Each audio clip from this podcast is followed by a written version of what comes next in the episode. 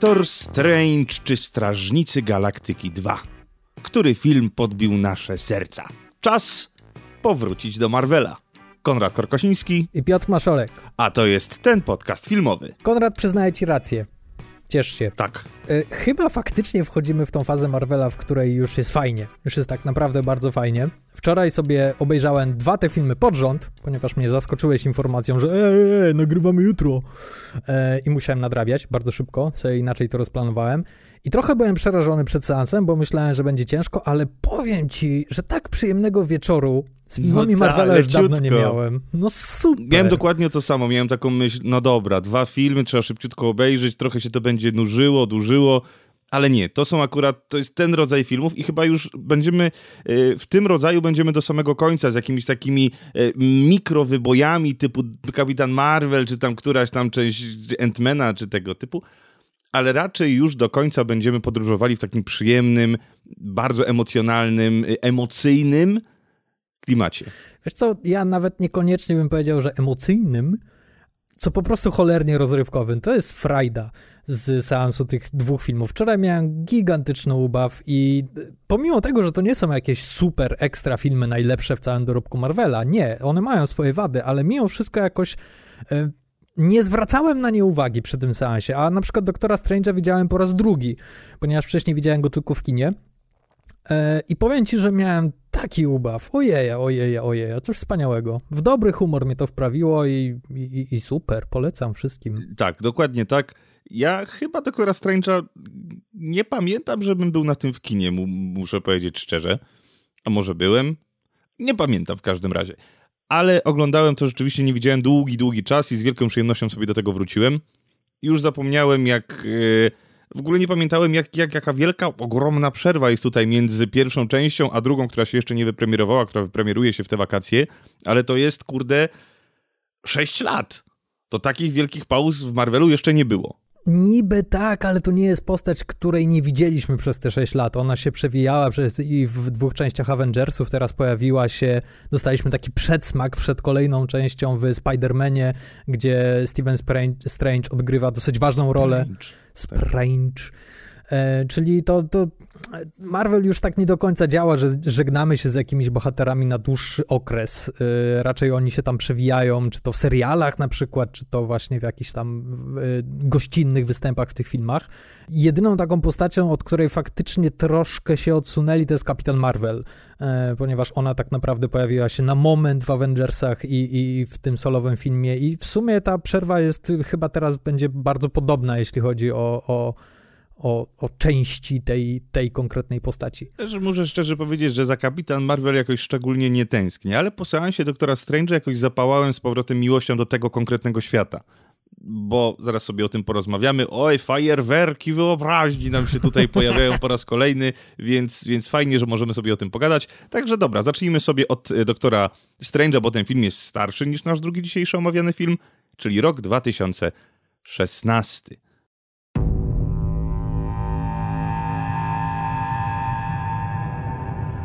Stephen Strange. Might I offer you some advice? Forget everything that you think you know.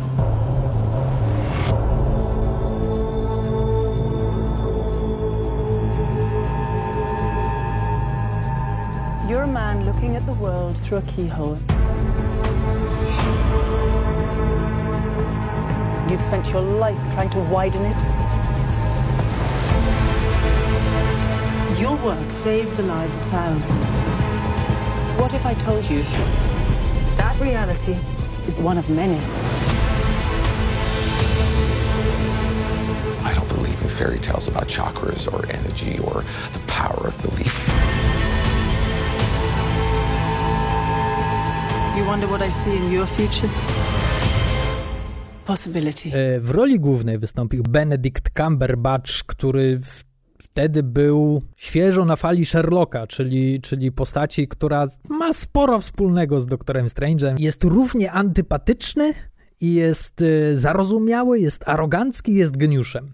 I Cumberbatch powtarza tą rolę, tylko że tutaj nie gra genialnego detektywa, gra genialnego doktora, który e, jest mistrzem w swoim fachu, no i oczywiście jest arogancki, jest zarozumiały, jak to często w Marvelu się zdarza. E, niektórzy nawet się nabijali, że to jest taki Tony Stark version 2.0. No i Doctor Strange w pewnym momencie ma kraksę samochodową, kiedy jedzie na jakąś tam konferencję naukową. Kraksę! I... Aleś to nazwał, kraksę. To jest, słuchajcie, turbo spektakularny wypadek, prawie kończący się śmiercią naszego głównego bohatera to jest jazda po zboczach jakiejś Kalifornii czy czegoś, Lamborghini, jak, jakimś najnowszym Lamborghini, które jedzie z prędkością 300 na godzinę, nie przejmując się w ogóle warunkami drogowymi, aż tu nagle Steven Strange, no, gdzieś tam oczywiście Turbo Distraction, czyli jak to jest... Y no, przeprowadza chyba konsultację lekarską wtedy, w tym momencie. No, Patrzy na zdjęcia tak, jakieś rentgenowskie pacjenta i, i no, no i, i masz. Wypada z trasy wypada z trasy, no i wychodzi z tego prawie, prawie cało, wychodzi z tego z życiem przede wszystkim, ale niestety jego ręce, ręce, które leczą, zostają zmiażdżone w tym wypadku, zostają tak drastycznie uszkodzone i pokiereszowane, że tylko jeden lekarz na całym świecie mógłby go uratować – Niestety tym lekarzem jest on sam. Ma uszkodzone wszystkie nerwy w tych dłoniach. Nie jest w stanie panować nad nerwami w dłoniach, więc nie jest w stanie nimi posługiwać normalnie. Co biorąc pod uwagę jego ego i biorąc pod uwagę, że jego życie kręciło się dookoła tego zawodu, no to jest bardzo poważny cios dla niego. Próbuje wszystkiego, wszystkiego, żeby tylko uratować te dłonie za pomocą medycyny, ale nikt nie jest nim samym, czyli genialnym lekarzem. Nawet ci najlepsi lekarze, którzy są tam kilka miejsc pod nim w rankingu najlepszych lekarzy na świecie, mówią mu, że nie, to jest niemożliwe, nikt tego nie, nawet się do tego nie zbliży, nie będzie ryzykował e, swojej kariery. No i Strange na rehabilitacji dowiaduje się od swojego rehabilitanta, że kiedyś był taki jeden pacjent, który miał bardzo podobne uszkodzenia e, swoich nerwów, który nie potrafił chodzić e, i który także już się poddał i nagle on zniknął gdzieś na rok chyba, czy na więcej i nagle zaczął chodzić. Strange odnajduje tego tajemniczego gościa i dowiaduje się od niego, że nie medycyna go uratowała, ale jego dusza i podróż w głąb siebie. I on daje mu namiary do Nepalu, do pewnej świątyni, do swojego guru. Kamartaż. Strange wyrusza w podróż, aby odnaleźć tego guru, no i odnajduje i okazuje się, że ten guru to jest sama Tilda Swinton e, w whitewashingowym castingu, który zresztą sporo batów zebrał w okolicach premiery tego filmu. Tilda Swinton, która gra przedwieczną, przedwieczną czy przedwiecznego, już nie pamiętam jak to było tłumaczone. Przedwiecznego. Przedwiecznego. Przedwieczny. Przedwieczny informuje Strange'a, że istnieje coś takiego jak multiversum. I że w tym multiversum, jeśli posiądziesz odpowiednią wiedzę będziesz mógł czerpać energię z innych uniwersów i wpływać na, na, na, na, na swoje ciało i kontrolować energię i, i tworzyć y, broni, tworzyć także różne magiczne rzeczy. Strange oczywiście na początku to odrzuca, ale kiedy y, przedwieczny przeprowadza małą demonstrację, y, bardzo tripową, narkotykową, LSD i te sprawy, Strange błaga, żeby przedwieczny przyjął go na nauki. No ale oczywiście, jak to w takich filmach bywa, przedwieczny mówi, nie, idź sobie. Doktor Strange musi odsiedzieć swoje na bruku przed świątynią, do, dowieść, że ma determinację do tego, aby być tym uczniem. Oczywiście ostatecznie zaczyna naukę i poznaje arkany magii. I tu dopiero przygoda naszego już doktora Strange'a, już nie Stevena Strange'a, ale doktora Strange'a nabiera rozpędu. Dlatego, że no, jak to w filmach Marvela, trzeba uratować świat. No i tutaj nasz doktor Strange, jako jeszcze laik tych wszystkich swoich lekcji, ale jak się okazuje, bardzo pilny uczeń, bardzo taki, no jak wiemy, też gdzieś, gdzieś ta jego poprzednia dziedzina, czyli medycyna, też się opierała na tym, że musiał jakąś tam część wiedzy przyswajać, więc przychodzi mu to bardzo, bardzo łatwo. No i rzeczywiście tę wiedzę ogarnia bardzo szybko, aż nawet zaskakuje swoich kolegów, że tak zgrabnie mu idzie czytanie. Więc to jest też zabawne, że całą tę wiedzę można posiąść przez czytanie. No i rzeczywiście Steven czyta. Dowiaduje się z tych ksiąg nawet takich rzeczy, które innych szokują i to jest trochę, trochę głupota, że tak, ej, to, to było czarno na białym na tych kartkach, w każdej chwili mogliście to tak, Tak, ale tam, ale tam Wong mówi mu jasno, w naszym tutaj zakonie wszyscy mają równy dostęp do wiedzy. Każdy ma dostęp do wiedzy. Niestety nie wszyscy z tego korzystają. Jest jedna taka ciekawa rzecz a propos Doktora Strange'a. Ten film wyreżyserował Scott Derrickson. I Scott Derrickson wcześniej zasłynął horrorami. E, wyreżyserował m.in. Sinister. Mhm. I ciekawe jest, że e, w drugiej części Derrickson nie powróci na stołek reżysera, ale powraca inny reżyser horrorów, czyli Sam Raimi, który rozpoczynał swoją karierę. Oczywiście Sam Raimi też jest znany ze Spidermana, ale on przede wszystkim e, zasłynął swoimi filmami Evil Dead, czyli jest coś takiego e, horrorowego co, w takim kręgosłupie tego filmu, co, co przyciąga tych reżyserów. Jest zdecydowanie, ale mało tego, taką ciekawostkę wam powiem, bo podczas tworzenia scenariusza e, ten, ten scenariusz powstawał bardzo, bardzo, bardzo wcześnie. W ogóle pomysł na scenariusz i pomysł na ekranizację tego, tego filmu zaczęła się już w roku 1986 roku i ten scenariusz przeskakiwał z rąk do rąk. On oczywiście meandrował między różnymi studiami produkcyjnymi, produkcyjnymi i między innymi jedną osobą osobą, która była w którymś momencie, krótkim, bo krótkim, ale odpowiedzialna za pisanie scenariusza, był Wes Craven. Więc rzeczywiście tutaj ten horror chyba był takim kluczem do zekranizowania tego filmu. Tym bardziej, że rzeczywiście on ma tutaj bardzo dużo tego potencjału. To multiversum jest bardzo horrorowe. Ten główny antagonista, który się tu pojawia, czyli ten nasz Dormammu, to też jest postać żywcem wyciągnięta z horroru. No, ale z drugiej strony, gdybyśmy chcieli tak spojrzeć na Marvela, to tak naprawdę każdy z tych filmów mógłby być ekranizowany w formie horroru. To jest troszkę taka ślepa uliczka, ponieważ e, tak, owszem, to jest ciekawe, że ci reżyserzy horrorów się tak mm, pałali do tego tematu, ale tak naprawdę jak się obejrzy ten film, to musisz bardzo, bardzo zmrużyć oczy, żeby tego horroru tam się dopatrzeć. I domyślam się, że podobna sprawa będzie z częścią drugą, która ma świetny horrorowy tytuł. To ja myślę, że akurat druga część będzie zdecydowanie bardziej horrorowa i że tam już ten ciężki, taki gęsty klimat, co zresztą widać po zwiastunach, gdzie mamy tę czarną postać, tę ciemną wersję Stevena Strange'a.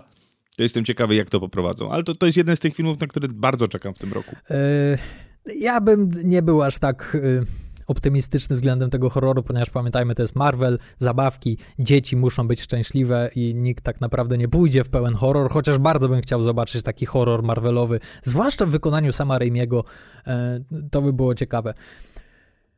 Jeszcze z takich backstory i, i, i historii z planu jest dosyć ciekawa rzecz a propos castingu, ponieważ e, Benedict Cumberbatch od samego początku Derrickson chciał, aby to właśnie Cumberbatch wcielił się w tę rolę, ale wtedy Cumberbatch był bardzo zajęty Sherlockiem. I szukali innych odtwórców tej roli i między innymi dogadali się z Joaquinem Phoenixem.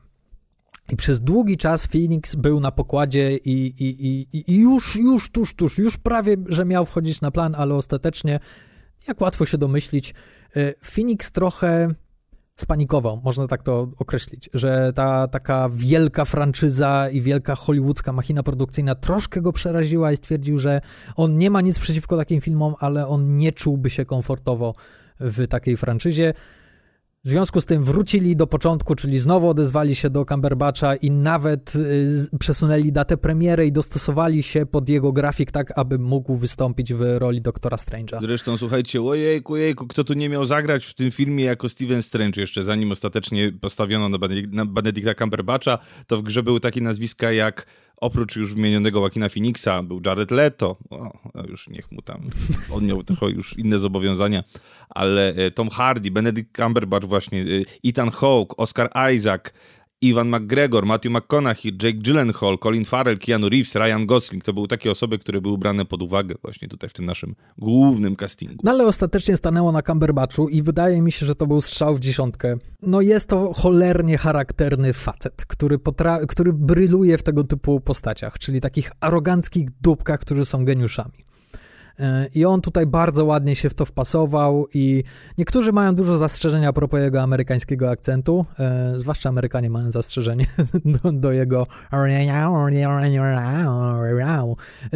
ja przyznam się szczerze, że teraz przy drugim seansie jakoś zupełnie nie zwracałem na to uwagę i czasami gdzieś tam trochę sobie tak zaśpiewał, ale, ale tak poza tym to, to bez przesady.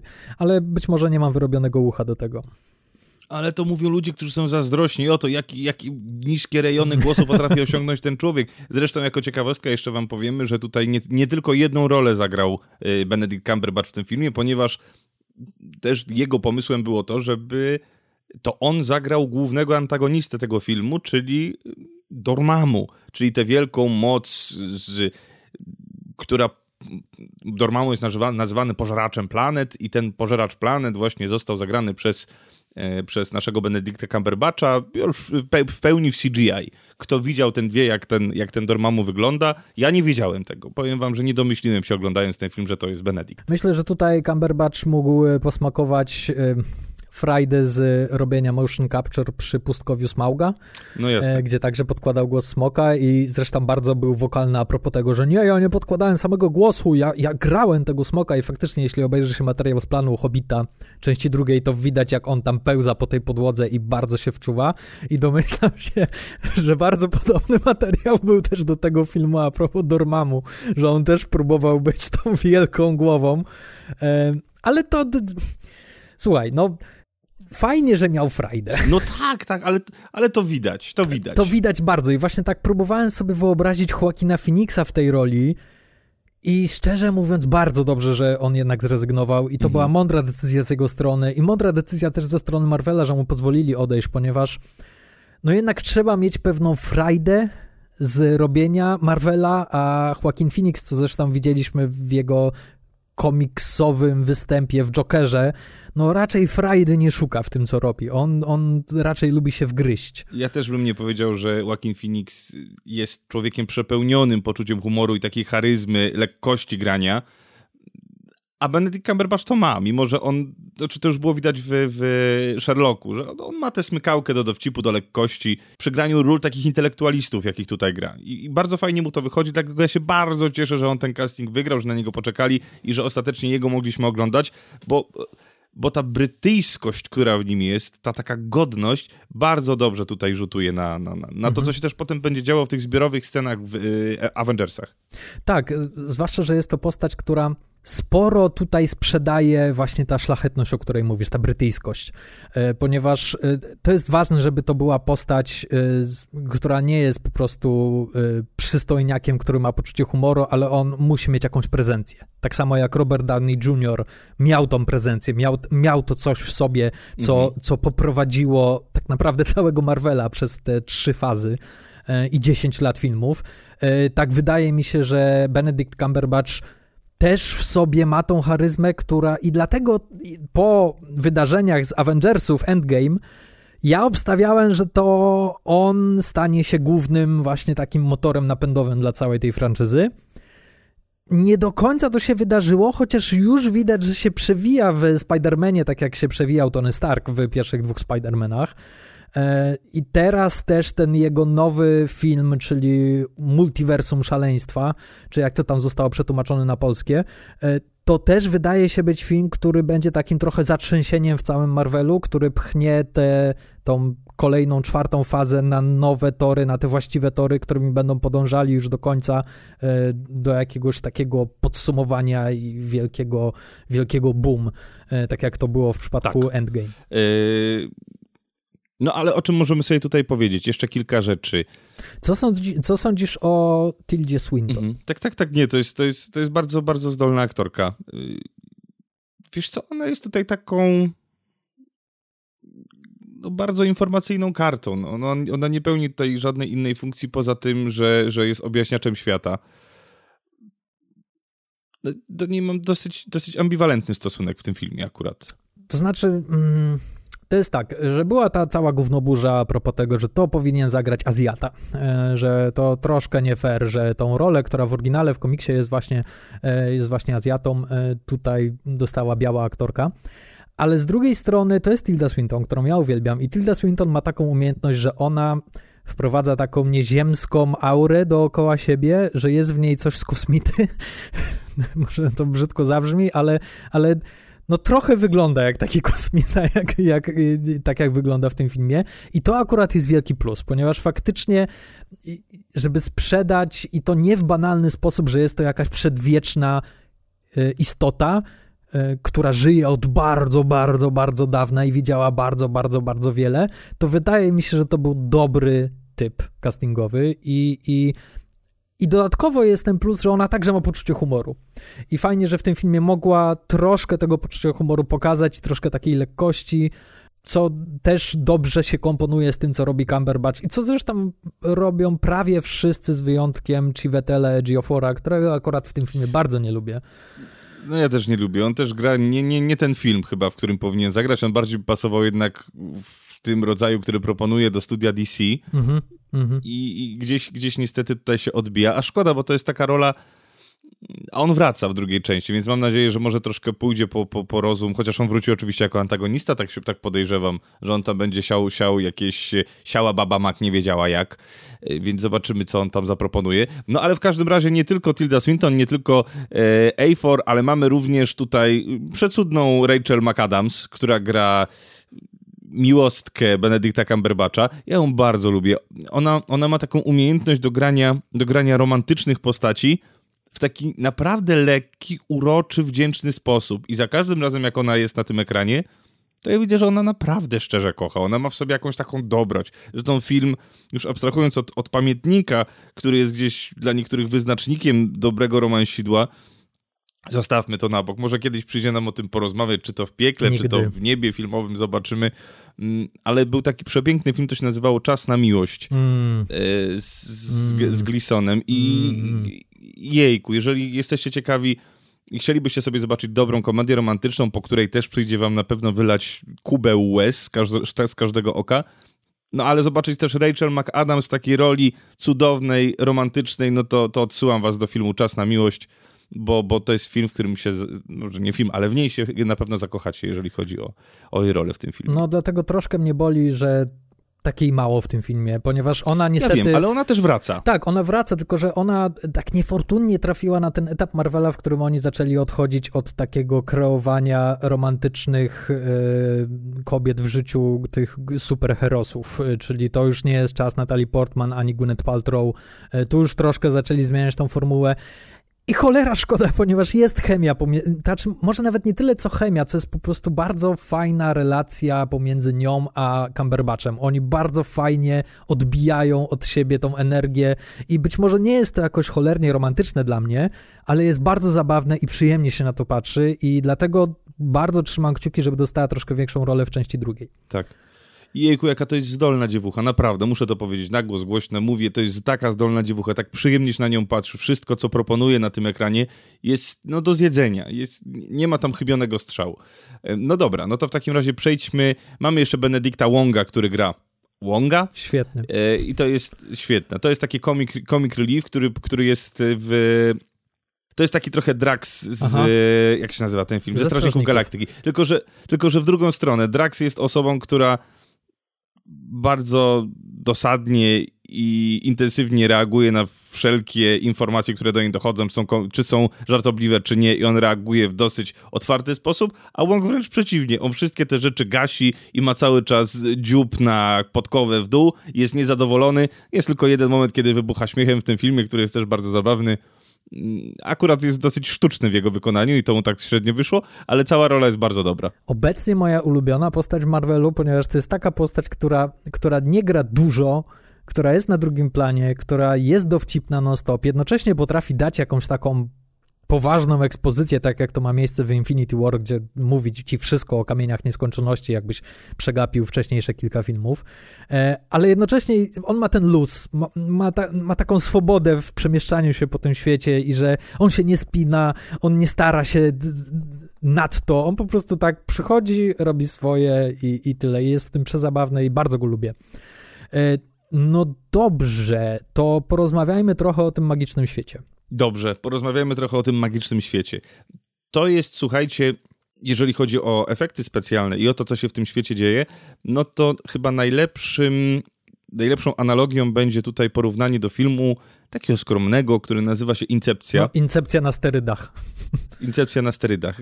Ale w ogóle przesuwanie, ma majstrowanie całym światem, zmienianie grawitacji całego świata, ruszanie wszystkim, co się da, załamywanie przestrzeni. No, i co jest bardzo ważne, ten film jest przepełniony, przepełniony efektami specjalnymi. I te efekty specjalne są bardzo dobre.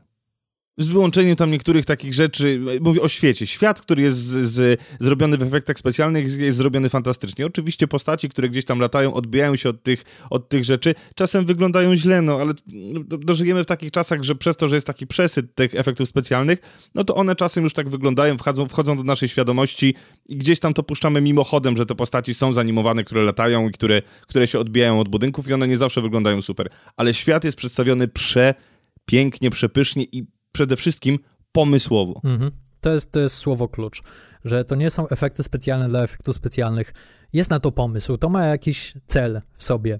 E, I to jest tak wyraźna kreacja i tak wyraźna wizja na to, jak ten świat magiczny, świat, w którym możesz kontrolować wszystko, wygląda i jakie on wzory układa z tych budynków i tak dalej, to to jest, na, to jest, to jest bardzo dobre. Tak, mało tego. Ja, ja na początku miałem taką obawę, bo zapamiętałem, że tego było bardzo, bardzo dużo.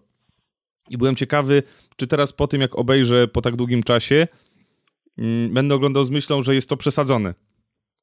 Jakoś udało się tu znaleźć taki złoty środek, że mimo, że jest tego naprawdę bardzo dużo, bardzo dużo, to jest prawie cały czas w tym filmie y, aktywne i to się dzieje, to to nie jest przytłaczające. To, to jest, jakoś się tłumaczy i na to się dobrze patrzy. To cały czas nie jest no nie jest przerost, nie, nie ma tutaj przerostu formy nad treścią, co jest bardzo fajne. Dostajesz wyraźny sygnał, że o to chodzi, że to ma być takie, to ma tak. być przesadzone i masz czuć się jakbyś wziął grube LSD, tak? Ale o to chodzi, jakby to, to, to kupujesz w ten sposób. To teraz może przejdźmy, słuchajcie, do, do twarzy, która jest, no tak mi się wydaje, że ten człowiek urodził się po to, żeby grać antagonistów. To jest twarz zrodzona ze zła.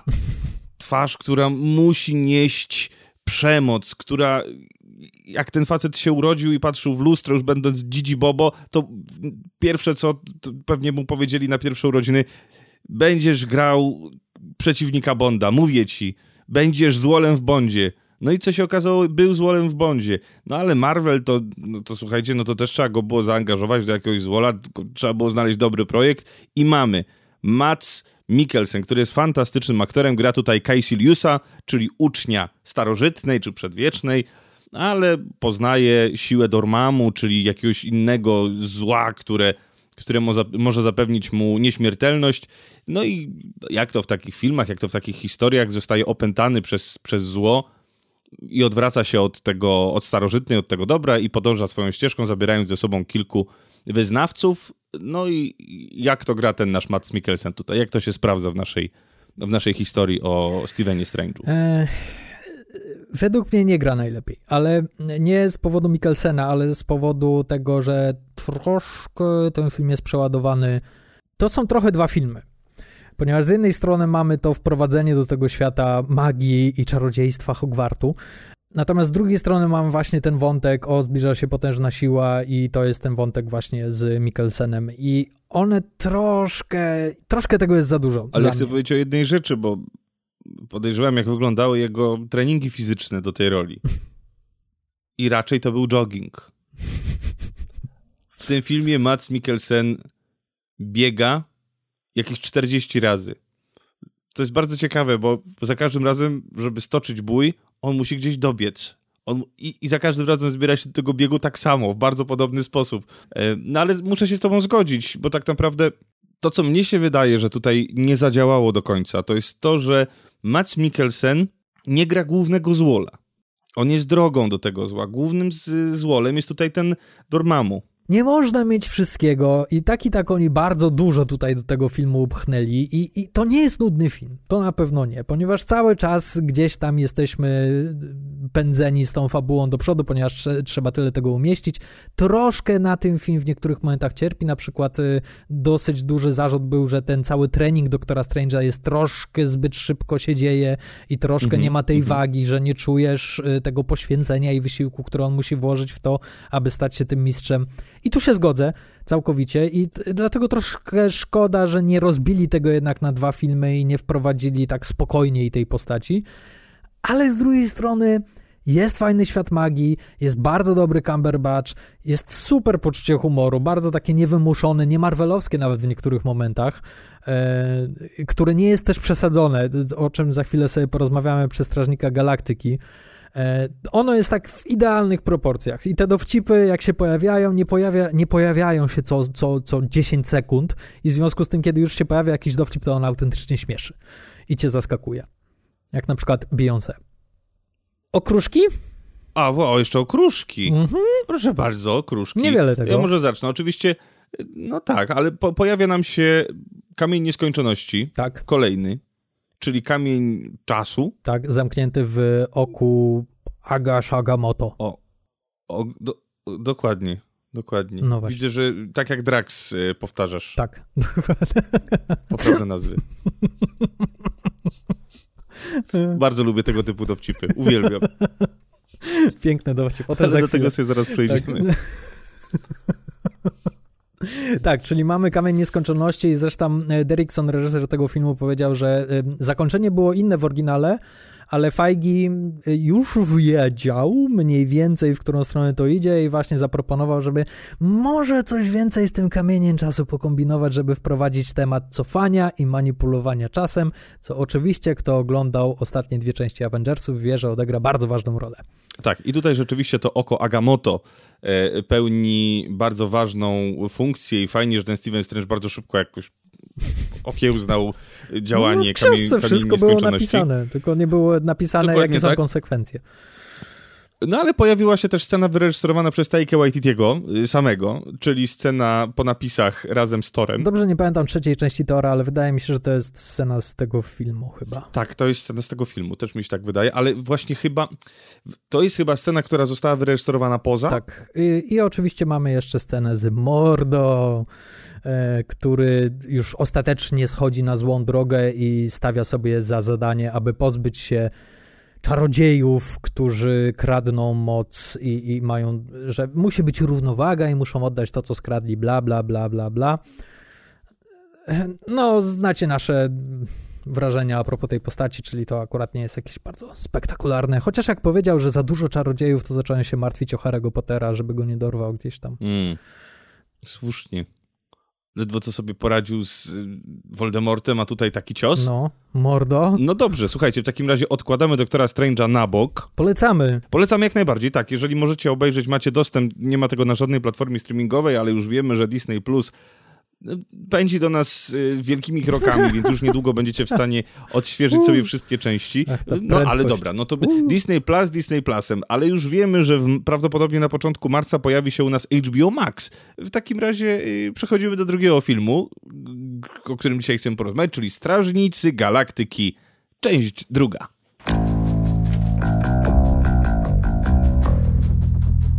I see it within you fear, jealousy, betrayal. It is our duty to cleanse the universe of this weakness. You know, they told me you people were conceited douchebags, but that isn't true at all. Dude! Uh, I'm using my wrong eye. Groot, put your seatbelt on!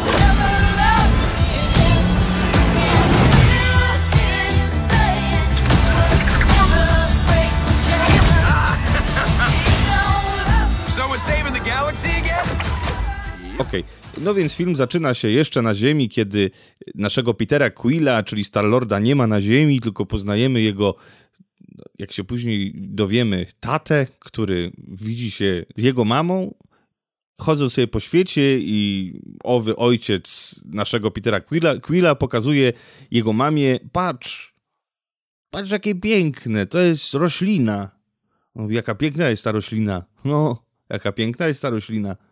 No i mamy przeskoczenie do teraźniejszych czasów, to co się dzieje z naszą drużyną Strażników Galaktyki i nasi Strażnicy Galaktyki zostali, dostali zlecenie od suwerennych takiej rasy, żeby zniszczyć pewnego potwora, żeby obronić takie bateryjki. No i oni tam się biją, rozrywają taką wielką ośmiornicę i ratują te, te, te, te, te planetę suwerennych, no ale niestety Rocket, choć nie musi, kradnie dwie bateryjki od suwerennych. Co będzie potem bardzo istotną rzeczą i te bateryjki będą nam towarzyszyły przez calucieńki film i od tych bateryjek się zacznie, ale też na tych bateryjkach się ten film zakończy, więc dobrze, że to się stało, że ten Rocket ukradł te dwie bateryjki, ale mało tego. uciekając od tych naszych ponieważ suwerenni bardzo się zdenerwowali, że zostało e, Elizabeth Debicki bardzo się zdenerwowała, która jest zarządzającą tymi suwerennymi, gdyż jest to rasa, to trzeba tutaj napomknąć, która jest bardzo obraźliwa i nie należy jej drażnić. No ale niestety została rozdrażniona, ukradli bateryjki, wysłali całą swoją flotę, żeby zniszczyć naszych strażników galaktyki, no ale uciekając przed nimi, ledwo bo ledwo, trafiają na planetę Ego która to została stworzona, jak się za chwilę okaże, przez człowieka, który jest bardzo bliski naszemu głównemu bohaterowi, Peterowi Quillowi. Za chwilę dowiecie się, że owy ego jest jego ojcem. I tu was zostawię. Powraca cała ekipa z pierwszej części, czyli powraca reżyser James Gunn, który zaczął pisać ten film jeszcze przed premierą części pierwszej, ponieważ już dostał zielone światło, ponieważ Marvelowi tak bardzo się spodobało to, co zrobił. E, tym razem już pisał samemu, już nikt tam e, mu nie pomagał, przy tym miał absolutnie wolną rękę i zrobił to, co chciał. Powracają wszyscy aktorzy, cała ekipa, no nie ma się co tutaj dziwić. E, no, plus pojawiają się nowe twarze, już wspomniałeś Elizabeth Debicki, pojawia się też, i uwaga, teraz pewnie skrzywdzę bardzo to nazwisko, mhm. a mianowicie Pom Clementif. A nie, nie było tak źle. Pom Clementif, która wciela się w rolę e, pomocnicy Ego, czyli Mantis, która zresztą stanie się stałym członkiem drużyny strażników. No i oczywiście, oczywiście pojawia się Kurt Russell w roli Ego. Co ciekawe, tą rolę w pierwotnym zamyśle miał grać Matthew McConaughey, to byłby bardzo inny film, gdyby, gdyby on zagrał rolę Ego, ale muszę przyznać, że to byłby piękny casting, żeby Matthew McConaughey obsadzić w roli postaci, która ma na imię Ego. To by było super. To jest, to jest, bardzo chcą tego Matthew McConaughey tak. do, do tego Marvela. Tak, tak. Ciekawe, kiedy im się to w końcu uda i do jakiej roli, bo, bo że im się uda, to, to, to jest pewne, że to im się uda. Podejrzewam tylko, że on nie chce zagrać w roli, która pojawi się i zniknie, mhm. albo, chociaż tu mamy dwie sprzeczne informacje, bo zaproponowali mu zagranie i w e, Stevenie Strange'u, mhm. który będzie długą postacią, ale zaproponowali mu też Ego, który będzie krótką postacią, więc ani tu, ani tu, więc ciekawe, jaka postać go w końcu zainteresuje, no, albo albo go interesują po prostu w tym momencie same ambitne projekty. Co bardzo mi się podoba w tym filmie. Co ci się bardzo podoba w tym filmie? Scenariusz mi się bardzo podoba w tym filmie. O, widzisz. Podoba mi się to, jak to wszystko jest zgrabnie pod linijkę ułożone. Że aż to jest wada tego, tego filmu w niektórych momentach.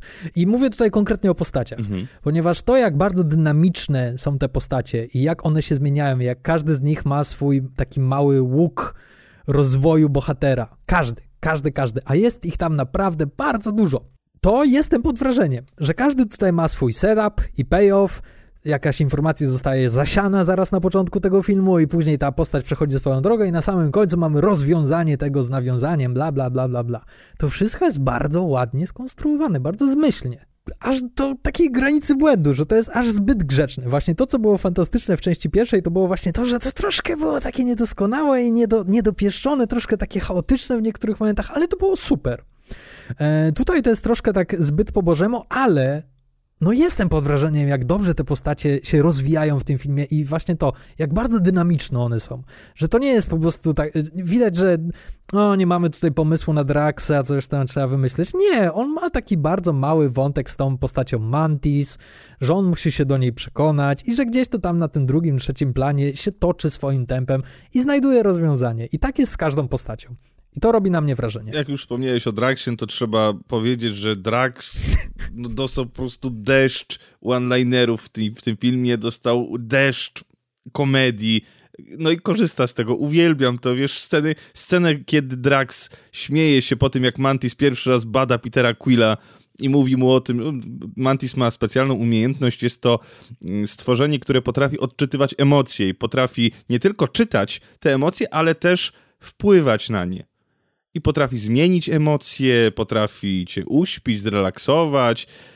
No i pokazuje nam próbkę swoich umiejętności przez to, że dotyka naszych głównych bohaterów i na przykład dotyka Petera Quilla i mówi mu, że o, czuję w tobie miłość. A mówi, że tak, no kocham wszystkich, tak, kocham. Nie, nie, nie, kochasz ją. I pokazuje na naszą Gamorę. Mówi, czujesz nieopisany popęd seksualny do Gamory. I wybuch śmiechu Draxa. On jest fantastyczny, bo Drax nie ma taktu. To jest postać, która absolutny zerowy takt. Mówi wszystko, co myśli i to jest prześmieszne. I wybuch śmiechu Draxa powalił mnie na kolana. No właśnie, to poczucie humoru. O tym trzeba porozmawiać przy tym filmie, ponieważ Jest tego dużo. jest tego bardzo dużo. I to jest nawet, y, nawet znowu, tak jak z tymi postaciami, z tymi świetnie poprowadzonymi bohaterami, tak tutaj to, te, to poczucie humoru, a jest mnóstwo świetnych dowcipów w tym filmie i ryłem ze śmiechu w bardzo wielu momentach tego filmu i zaraz sobie o tych ulubionych momentach chętnie porozmawiam.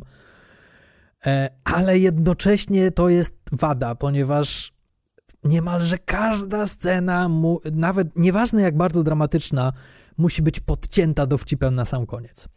Że kiedy już oni wchodzą na jakieś takie emocjonalne wyżyny, to kurde muszą rzucić ten dowcip, który to wyciągnie ci dywan spod nóg. I tak jest Mhm. przez cały film. Przez cały, cały, To prawda. cały film. To prawda. I jest to męczące. Jest to czasami męczące, ale no te dowcipy, które trafiają i w dobrym momencie się pojawiają, no to, to są perełeczki. Ja Zgadzam się absolutnie. Znaczy, są takie momenty, jest chyba jeden taki moment w tym filmie, albo, albo dwa są takie momenty w tym filmie, gdzie wiedzą, żeby nie żartować. I nie żartują. I to jest, to jest fajne. Y, Moment mówię, kiedy y, Peter... Pierwszy moment, kiedy Peter Quill dowiaduje się, kim tak naprawdę jest jego ojciec i co, co zrobił jego matce. Tam nie mają miejsca na dowcip. Ale teraz y, podam rzeczy, które mnie koszmarnie rozbawiły. Bardzo podobał mi się dowcip z Taserface. Tak, tak, tak. Tak, tak. tak. Tutaj e, Bradley Cooper wyciągnął ten dowcip już do granic możliwości. E, Szydzenie z Taserface jest, jest w tym filmie... Już potem jest trochę przesadzone. Nie, przepraszam, puenta tego dowcipu właśnie z tą, z tą złotą, do której on dzwoni w pewnym momencie do właśnie jednego z suwerennych i mówi, o, podaję wam lokalizację ich statku, ja tego nie dożyję, ale chcę, żebyście zrobili jedną rzecz, powiedzcie im, że to zasługa Taserface. I ta suwerenna parska śmiechem.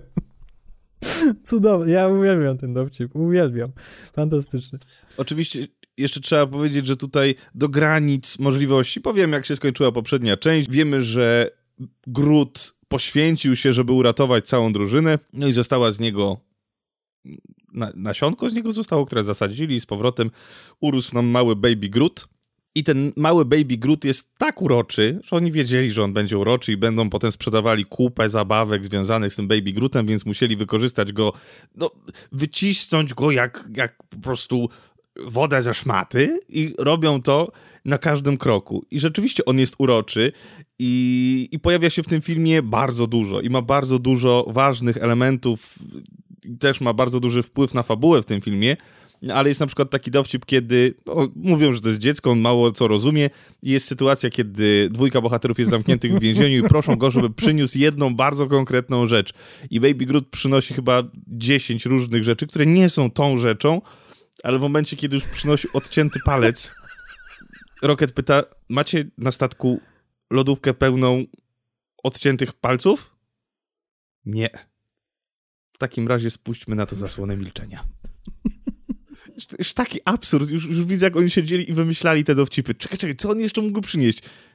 Nie, wiem, odcięty palec. Ale z Dobra. Baby, Grootem, z Baby Grootem wiąże się też kolejny mój ulubiony dowcip, czyli jak już dostaje tą bombę, która ma ich uratować na sam koniec i ma zniszczyć ego. I są tam dwa guziki, ponieważ oczywiście, że muszą być dwa guziki. Jeden guzik uruchamia eksplozję za 5 minut od momentu wciśnięcia guzika. Drugi guzik natomiast to jest eksplozja w tej sekundzie, jak tylko wciśniesz ten guzik. No i oczywiście Rocket próbuje mu wytłumaczyć, który guzik ma wcisnąć. I Groot kompletnie nie rozumie, o co chodzi. I Rocket wtedy prosi o kawałek taśmy Petera Quilla. To jest fantastyczny Tak, dowcip. To jest fantastyczny fantastyczne. I. Quill w samym środku bitwy lata gdzieś tam po wszystkich i się pyta, ej, masz taśmę? Nie, zwykłą taśmę. To po co się pytasz, jaką taśmę, skoro nie ma? Fantastyczne. Tak, nikt nie ma taśmy. A pytałeś Nebulę? Tak. Na pewno. Pytałem y, Jądu, Nebula siedzi obok niego, czyli nie pytałeś. No tak, tak, tak. To jest rzeczywiście, jeżeli chodzi o, o zmyślność dowcipu, no to scenarzyści no sprawdzili się po prostu. No, także wiem, że jak będę oglądał kolejnych Strażników Galaktyki, to wiem, że oni będą przepełnieni dobrym poczuciem humoru i to będzie dobra komedia. Tak, i to, to jest jednak umiejętność, że nawet przy tej drugiej części, gdzie masz troszkę za dużo tego poczucia humoru, to i tak, i tak to, co się naprawdę udaje, to udowadnia, że to jest najśmieszniejszy element całej franczyzy marvelowskiej, czyli Strażnicy Galaktyki. To jest najlepsza komedia i, i, i myślę, że to jest taka rzecz, którą wszyscy oczekują po tym filmie, że to przede wszystkim dostaną. Natomiast druga rzecz, której widzowie oczekują po Strażnikach Galaktyki, to jest soundtrack. I muszę przyznać, i może to być niepopularna opinia, że dla mnie soundtrack z części drugiej jest lepszy niż w części pierwszej. Mm. Jeśli zaczynają swój film od e, Mr. Blue Sky, no to cholera, no sorry, nie wygrasz z tym.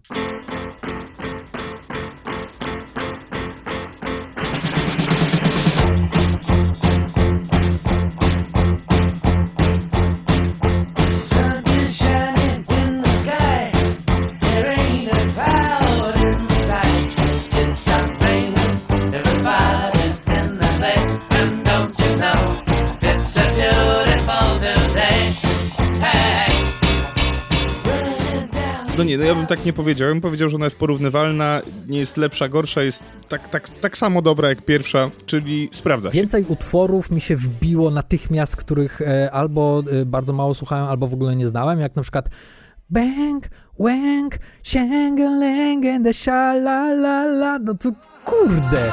We got a wham, bam,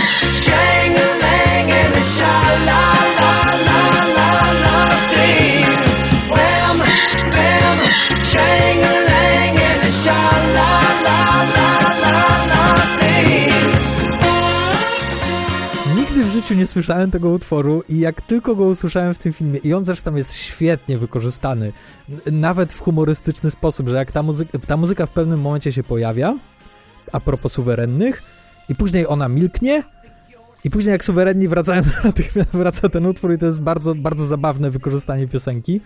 No i tak samo Chain, mój ukochany utwór z całego soundtracku, no i, no i bardzo emocjonalne wykorzystanie utworu Father and Son na samym końcu. No wydaje mi się, że jest troszkę umiejętniej te, ta muzyka wykorzystana, że ona też ci troszkę mówi na temat bohaterów, na temat historii i nie jest po prostu szlagier za szlagierem. E, tutaj ta, ta, ta muzyka ma troszkę więcej sensu i dlatego bardziej lubię. Ale tak, no to, to, absolutnie nie umniejszając temu, co, co, co zrobił w pierwszej części, to myślę, że te dwa woluminy y, soundtracku do Strażników Galaktyki, no to jest coś, co, co pięknie funkcjonuje w całości. Y, dobrze, co sądzisz o, o Kercie? No ja go lubię, wiesz, to jest facet, który ma w sobie taką charyzmę i on jest taki naprawdę y, naprawdę Chris Pratt wygląda jakby był jego synem. To jest strzał w dziesiątkę.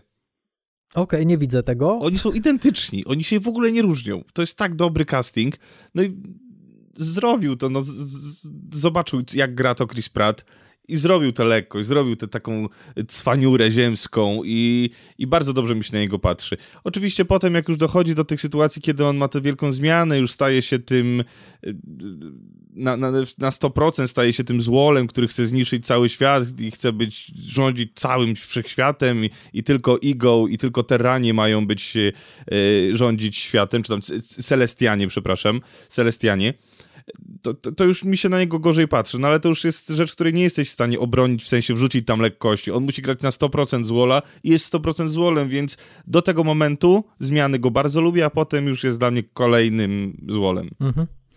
E, mamy też e, postać, o której niewiele rozmawialiśmy chyba przy okazji pierwszej części, czyli Yondu w wykonaniu Michaela Rookera. Mm. E, świetnego, charakternego aktora, który gdzieś tam się chował na drugich i trzecich planach przez bardzo długi czas. I tak naprawdę James Gunn dał mu chyba najładniejszy prezent, jaki reżyser może dać aktorowi.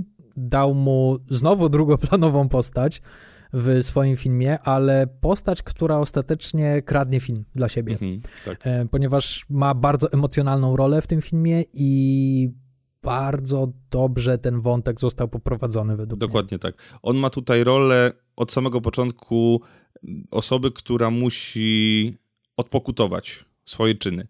I cały, cała jego droga w tym filmie to jest, to jest zapłacenie kary za, za, za przewinienia, które, których dokonał w przeszłości. Mhm. E, no i robi to bardzo dobrze, no, robi to super i bardzo się przyjemnie na to patrzy. To jest mega zdolny aktor i, i rzeczywiście on jest tym ładunkiem emocjonalnym tego filmu. Mhm. Ma najpiękniejszy tekst w całym Marvelu, czyli może i był twoim ojcem, ale nie był twoim tatusiem. to, to, to jest bardzo ładne. No i zresztą I'm Mary Poppins, yo! A jak ci się podoba pojedynek y, sióstr, czyli Nebula kontra Gamora? No, ze wszystkich strażników ja najbardziej lubię Nebulę, ponieważ ona jest tak sztampowa i tak kiczowata i tak zabawna w, ty, w tej swojej nienawiści, E, I zresztą o Karen Gillian już sobie rozmawialiśmy przy okazji e, pierwszej części, że, że chyba obaj byliśmy pod wrażeniem tego, je, jaka to jest zdolna aktorzyca, że ona po prostu tutaj zagrała coś takiego, a jednocześnie oglądasz e, Jumanji nowe i widzisz tam zupełnie inną osobę. Ja bardzo lubię tą relację. To, jak daleko można pociągnąć metaforę walczących ze sobą sióstr, które się nienawidzą i kochają jednocześnie, to jest piękne. Moment, w którym Gamora bierze wielką, wielką spluwę, która oderwała się od statku, wielkie tak. działo, żeby wygrać pojedynek ze swoją siostrą. Ja bardzo lubię ten moment, bardzo lubię tą scenę i bardzo lubię ten ich dialog pod koniec, który jest sztampowy, przyznaję, ale jest dobrze wykonany y, przez te dwie aktorki. On jest, on pasuje, on pasuje. E, ja chciałem jedną rzecz powiedzieć. Największą tragedią uniwersum Marvela mhm. jest to, że nikt nigdy nie będzie kojarzył Karen Gillian z tego filmu. Bo nie wiesz, że to ona.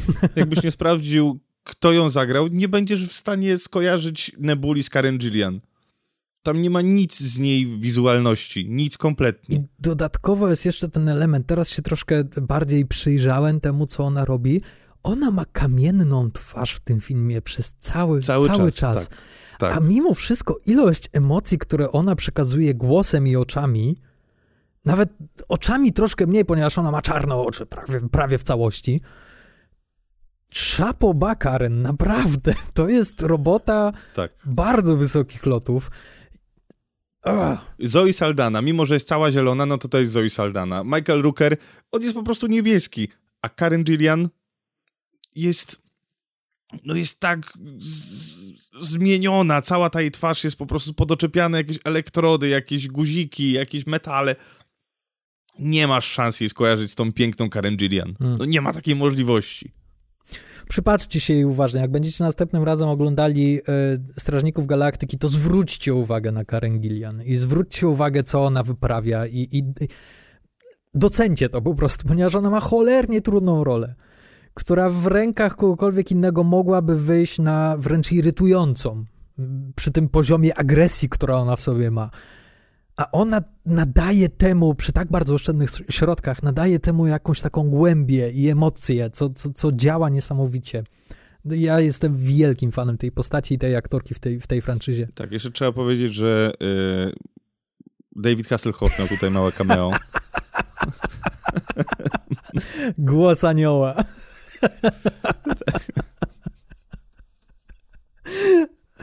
O, to akurat jest, y, to jest właśnie moment, y, kolejny moment dowcipu w tej bardzo poważnej scenie, w której właśnie dowiadują, dowiadujemy się, kim tak naprawdę jest ego i w samym środku tej sceny wrzucają moment i pamiętam w kinie, że sala, nawet w Polsce, ryknęła śmiechem, ponieważ wszyscy najwyraźniej znają i wiedzą, jak wygląda David Hasselhoff.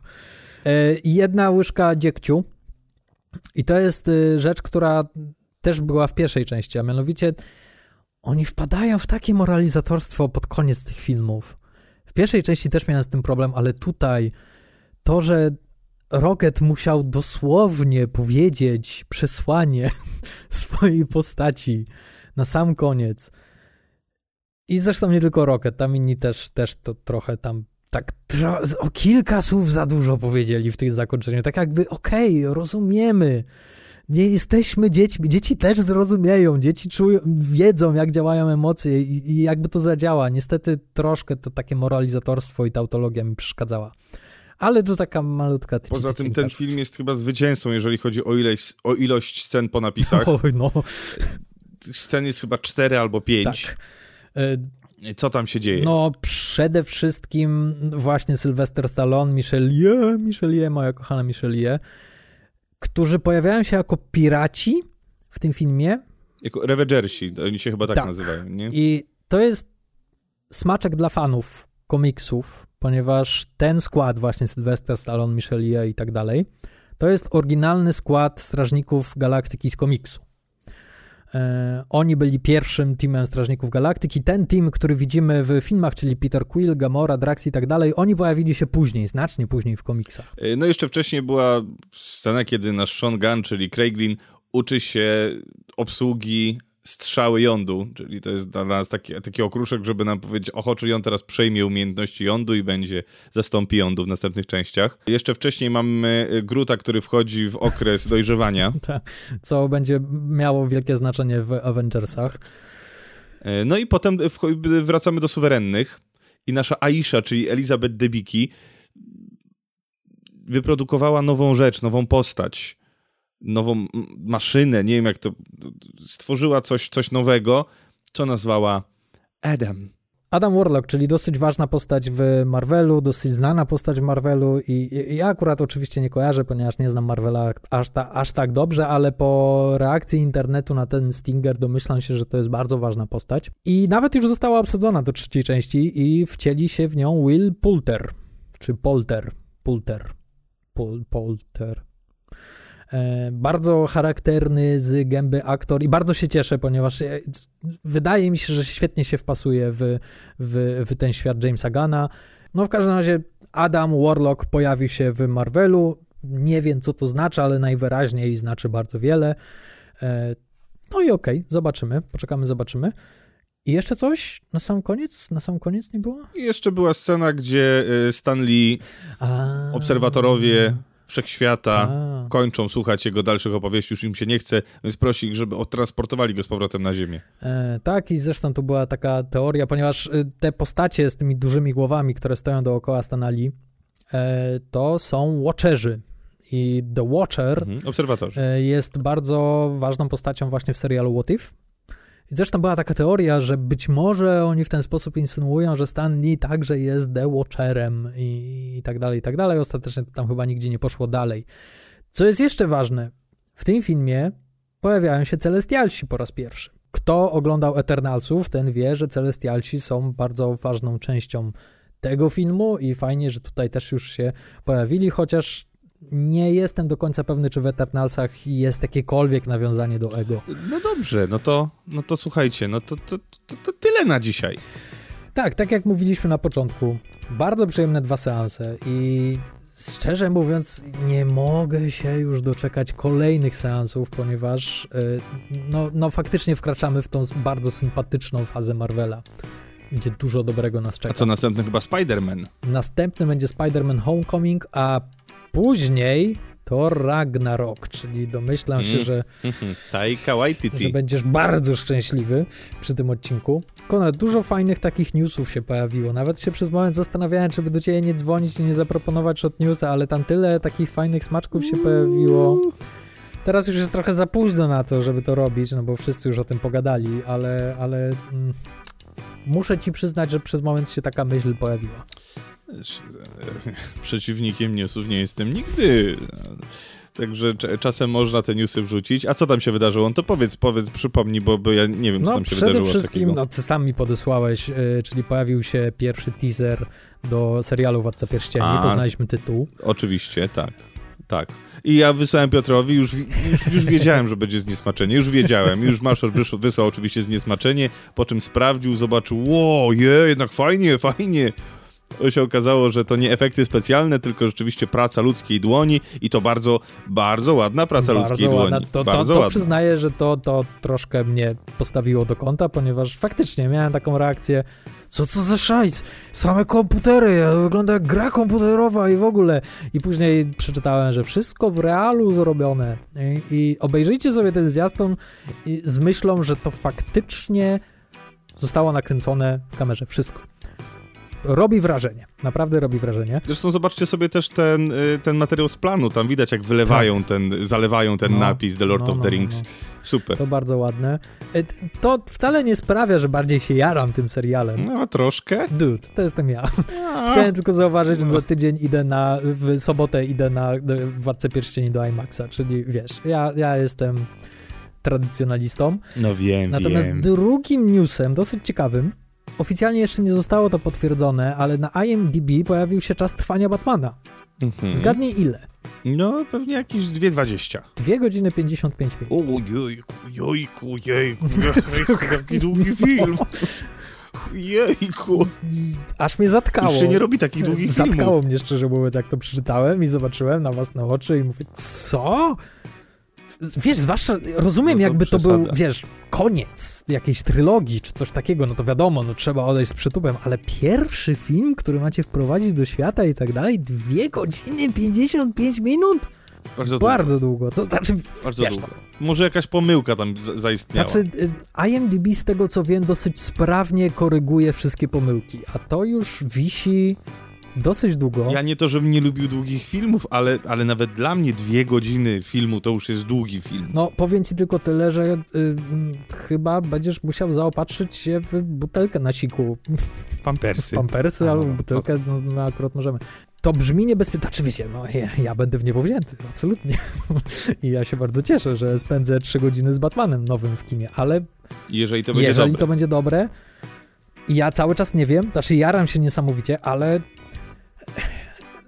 no, już mnie tyłek zaczął boleć, szczerze mówiąc, od te- od To tego czasu. prawda, to prawda. Słuchajcie, y, za tydzień porozmawiamy sobie o filmach, które chcemy wam polecić, które oglądaliśmy, może nie zawsze polecić, ale może też was przestrzec przed czymś, które oglądaliśmy w styczniu.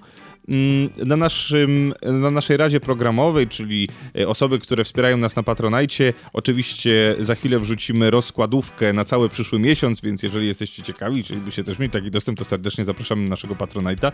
Y, No i co? No i słyszymy się za tydzień. Dziękuję ci bardzo, Konrad, i dziękuję wam bardzo. Bardzo Ci dziękuję. Do usłyszenia, trzymajcie się, cześć!